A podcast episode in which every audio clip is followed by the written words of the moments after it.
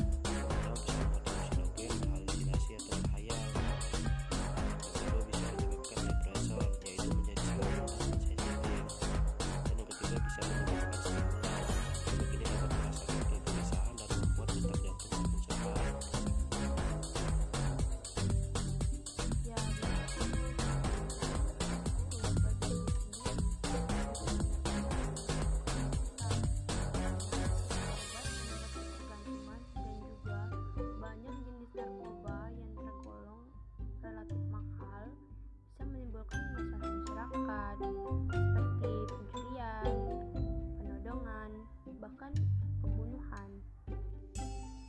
dan upaya pemberantasan narkoba pun sudah sering dilakukan, tetapi masih sedikit kemungkinan untuk menghindarkan narkoba dari kalangan remaja. Anak-anak usia SD dan SMP pun banyak yang terjerumus dalam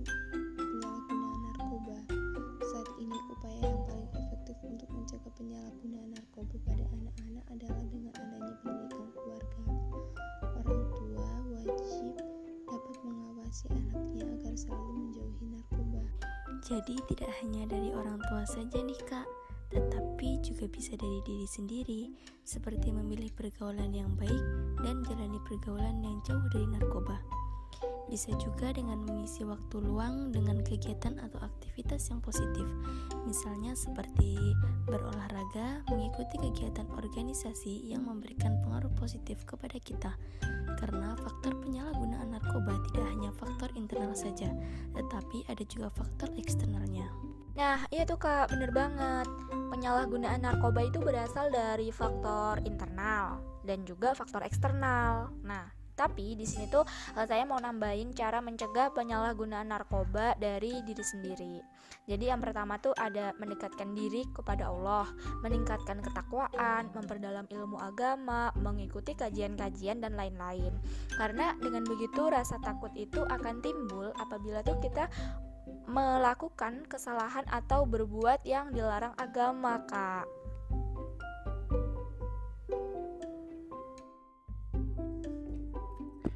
Nah, peran pemerintah dalam kasus ini juga ada loh, Kak yaitu dengan memberikan hukuman bagi siapa saja pelaku penyalahgunaan narkoba, seperti hukuman penjara, denda, bahkan hukuman mati. Dengan adanya hukuman-hukuman ini, masyarakat bakal mikir dua kali deh buat menyebar atau menggunakan obat terlarang ini. Hukuman bagi korban dan pelaku penyalahgunaan narkoba ini juga berbeda loh. Yang dimaksud dengan korban adalah seseorang yang tidak sengaja menggunakan narkotika karena dibujuk, diperdaya, ditipu, dipaksa, dan diancam. Nah, dalam kasus ini, korban hanya akan mendapatkan rehabilitasi, sementara pelaku penyalahgunaan narkoba dapat menerima hukuman berupa penjara. Semua hukuman yang dibacain tadi telah diatur ke dalam pasal-pasal bagi pihak yang memproduksi narkotika. Secara melawan hukum pasal 1 angka 3 Jo pasal 113 bagi pihak yang mengimpor secara melawan hukum pasal 1 angka 4 Jo pasal 113 pihak yang mengekspor pasal 1 angka 5 Jo pasal 113 Uh, pengguna narkoba juga ada pasalnya loh, yakni pecandu narkotika pasal 1 angka 13 Jo pasal 54, Jo pasal 127 dan penyalahguna narkotika pasal 1 angka 15 Jo pasal 54, Jo pasal 127. Sebagaimana telah dijelaskan di atas mengenai golongan, jenis, dan klasifikasi peran pihak yang berkaitan dengan narkotika. Maka dalam undang-undang ini telah diatur pula mengenai sanksi-sanksi pidana bagi pihak yang melanggar ketentuan di atas. Bagi pihak yang memproduksi, mengedar, menjual, atau perantara, tentu sanksinya akan lebih berat daripada pihak yang hanya menggunakannya saja. Nah, berdasarkan pasal tersebut, si pengedar itu dapat diancam minimal 6 tahun penjara beserta pidana denda paling sedikit berkisar 1 miliar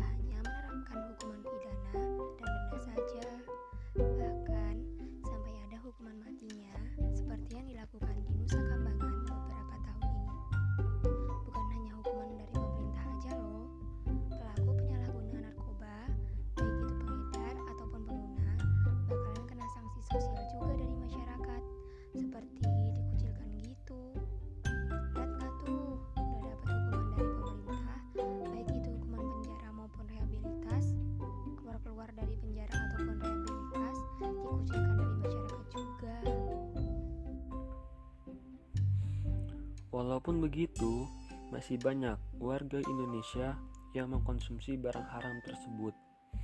Di sisi lain, tingkat penggunaan narkoba berbanding lurus dengan kurangnya pengetahuan akan bahaya dari mengkonsumsi narkoba tersebut. Ini disebabkan karena tingkat pendidikan di Indonesia masih sangat rendah dan kurangnya kesadaran akan pentingnya kesehatan dari diri sendiri. Oleh karena itu, pemberian sanksi saja tidak cukup untuk membuat pemakai berhenti. Perlu adanya penyuluhan sejak dini agar masyarakat mengerti bahwa narkoba ini sangat berbahaya. Lagi pula, yang terjadi di lapangan bahwa sanksi-sanksi ini tidak diberlakukan dengan tegas. Banyak oknum-oknum tidak bertanggung jawab yang dapat meringankan sanksi para pemakai narkoba atau malah membuat mereka terbebas dari sanksi yang harusnya mereka dapatkan. Iya kak, banyak oknum yang kurang menegakkan hukum bagi pengguna dan pengedar. Dan buat kita nih, pemuda penerus bangsa, udah tahu dong betapa bahayanya narkoba ini. Jangan coba deketi ya, karena sekali coba susah lepas akibat ketergantungan. Iya, bener tuh. Kita jangan coba dekati narkoba ya. Sebagaimana kita tahu, narkoba bahaya banget buat kesehatan. Penyalahgunaan narkoba dapat memberikan efek peningkatan frekuensi jenuh jantung, irama jantung tidak teratur, penyempitan pembuluh darah, dan peningkatan tekanan darah. Kondisi seperti itu dapat meningkatkan resiko terjadinya gangguan aliran darah ke otot jantung yang akhirnya mengakibatkan serangan jantung. Ya, benar itu kata Kak Fani. Dampak dari narkoba itu bukan hanya dari kesehatan aja loh, tapi banyak banget dampaknya bagi diri kita bahkan di lingkungan sekitar kita. Contohnya aja gini, karena banyaknya penyalahgunaan narkoba lingkungan kita, maka akan menyebabkan meningkatnya tingkat kemiskinan. Salah satu faktor penyebabnya adalah pengangguran. Karena banyak penyalahguna narkoba yang menganggur atau tidak bekerja, dikarenakan tidak adanya lapangan pekerjaan yang mau menerima karyawannya yang menggunakan atau menyalahgunakan narkoba maka penyalahgunaan narkoba ini menyebabkan tidak produktifnya seseorang dalam melakukan suatu pekerjaan sehingga bisa menyebabkan timbulnya kemiskinan di lingkungan sekitar. Oh iya, gue mau nambahin sedikit nih penjelasan tentang narkoba.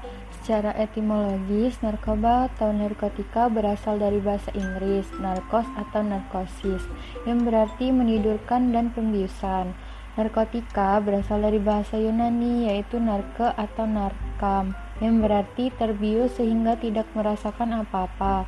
Sehingga dapat disimpulkan narkotika adalah obat atau zat yang dapat menenangkan syaraf, mengakibatkan ketidaksadaran atau pembiusan, menghilangkan rasa nyeri dan sakit, menimbulkan rasa mengantuk atau merangsang, dapat menimbulkan efek stupor, serta dapat menimbulkan adiksi atau kecanduan yang ditetapkan oleh Menteri Kesehatan sebagai narkotika. Dan menurut riset, narkoba adalah salah satu penyumbang kematian terbesar di dunia. Sudah banyak korban yang mati sia-sia akibat kecanduan narkoba. Maka dari itu penting bagi kita untuk lebih mengetahui dampak atau pengaruh yang ditimbulkan dari pemakaian narkoba. Gak semua orang yang mengalami kecanduan narkoba jujur tentang penyalahgunaan zat yang mereka gunakan. Maka dari itu, penting untuk mengetahui ciri-ciri pengguna narkoba. Seorang pengguna narkoba dapat dilihat dari fisik dan perilaku mereka yang cenderung mengalami perubahan secara tiba-tiba atau ekstrim. Dilihat dari fisik, pengguna narkoba memiliki ciri-ciri mata kemerahan, sering sakit, keringat berlebih, bau aneh dari tubuh, tremor, sering mimisan, memiliki bekas suntikan atau jeratan di lengan atau kaki mereka. Perilaku mereka juga mengalami perubahan, Tak jarang dari mereka menjadi tidak bertanggung jawab, memiliki penilaian yang buruk, dan secara umum kehilangan minat, menutup diri, mengisolasi, terlibat dalam aktivitas yang mencurigakan, memaksa untuk mendapatkan privasi lebih, dan menghindari kontak mata. Tak jarang juga mereka kekurangan uang, sehingga menjual barang berharga mereka, meminjam uang kepada orang lain, dan bahkan melakukan tindak kejahatan seperti mencuri dan merampok. Terus gimana sih kak cara mengatasi kecanduan narkoba? Nah, yang pertama itu pemeriksaan dengan tujuan untuk mengetahui sejauh mana kecanduan yang dialami dan adakah efek samping yang muncul. Yang kedua, detoksifikasi. Di sini pengguna harus 100% berhenti menggunakan obat-obatan berbahaya tersebut. Yang ketiga ada stabilisasi. Tahapan ini bertujuan untuk membantu pemulihan jangka panjang dengan memberikan resep dokter. Tidak hanya itu, pemikiran tentang rencana ke depan pun diarahkan agar kesehatan mental tetap terjaga dan tidak kembali terjerumus dalam bahaya obat-obatan terlarang. Dan langkah terakhir adalah pengelolaan aktivitas, di mana di sini diperlukan pendekatan dengan orang terdekat seperti keluarga dan teman agar mengawasi aktivitas mantan pemakai tanpa dukungan penuh dari orang sekitar, keberhasilan dalam mengatasi kecanduan obat terlarang tidak akan lancar. Oh iya, aku mau nambahin nih Kak Maria. Jadi, kalau menurut aku, penanggulangan-penanggulangan yang Kak Maria jabarin juga meliputi peningkatan kesehatan dan budaya hidup sehat baik fisik maupun mental, pendewasaan kepribadian, peningkatan kemampuan mengatasi masalah, peningkatan intra dan inter personal dan kemampuan sosial, tapi balik lagi, untuk mempengaruhi perbaikan diri masyarakat hanya dengan suatu agama yang sesuai dengan sifat alami pikiran yang akan bisa menyentuh dan memperbaiki ke kekacauan serta mengobati pikirannya. Oleh karena itu, agama harus membangkitkan keyakinan penuh dalam diri manusia, sehingga dapat memberikan kepada manusia suatu kesadaran yang mendalam tentang nilai-nilai spiritual dan perasaan aman. Selain itu, agama harus pula mendominasi pikiran umatnya sehingga dapat membuat mereka mengikuti jalan kebenaran. Benar tuh kata Kak Ferry, kita sebagai manusia yang beragama harus selalu mendekatkan diri kepada Tuhan. Selain itu, mantan pemakai harus dijauhkan dari orang-orang yang sekiranya dapat memicunya kembali menggunakan obat-obatan terlarang, misalnya seperti penjual, pengedar, ataupun sesama mantan pengguna narkoba. Dan jangan lupa, berikan ia aktivitas untuk menyibukkan diri agar ia tidak kembali mengingat tentang narkoba. Nah, ternyata ada banyak ya cara-cara mengatasi seseorang yang kecanduan narkoba. Sebenarnya, cara-cara berhenti dari jeratan narkoba tidak sulit seperti yang dibayangkan. Asalkan ada niat yang ditanamkan dari dalam diri pengguna itu sendiri. Di sisi lain, di Indonesia sudah banyak gerakan dan kampanye anti narkoba yang menggandeng mantan pecandu narkoba untuk memberikan edukasi dan sharing kepada masyarakat dan anak muda. Hal tersebut dinilai efektif dikarenakan masyarakat mendapatkan edukasi melalui pengalaman langsung dari mantan pecandu narkoba. Dari semua dampak yang telah teman saya uraikan, saya hanya ingin menambahi sedikit tentang narkoba yang telah merajalela di dunia. Lihatlah orang tua kita yang selama ini capek-capek membersihkan kita sampai menyekolahkan kita agar masa depan kita baik semua. Bersama dengan itu, marilah kita jauhi narkoba untuk kita semua agar Indonesia kita ini terlepas dari bahaya narkoba. Bener tuh kata Carlos. Sekarang kalian mengerti kan bahwa narkoba itu sangat amatlah berbahaya. Garis bawah itu berbahaya. Udah berbahaya bagi tubuh, bermasalah juga untuk hidup. Bisa-bisa nanti kalian dikucilin di masyarakat atau bahkan ditangkap oleh polisi. Hukumannya nggak main-main loh, penjara sampai denda. Gak ada yang namanya sisi positif dari narkoba, nggak ada. Bukannya tenang, malah mendekat sama Tuhan. Makanya, sekali lagi, dekati nar... Maksud saya, jauhi narkoba, dekati orang tersayang Anda. Terima kasih. Nah, tadi kan udah dijelasin nih sama teman-teman kita apa itu narkoba dan penjelasannya bagaimana. Jadi sekarang gue mau akhiri podcast kita kali ini. See you next time. Dah.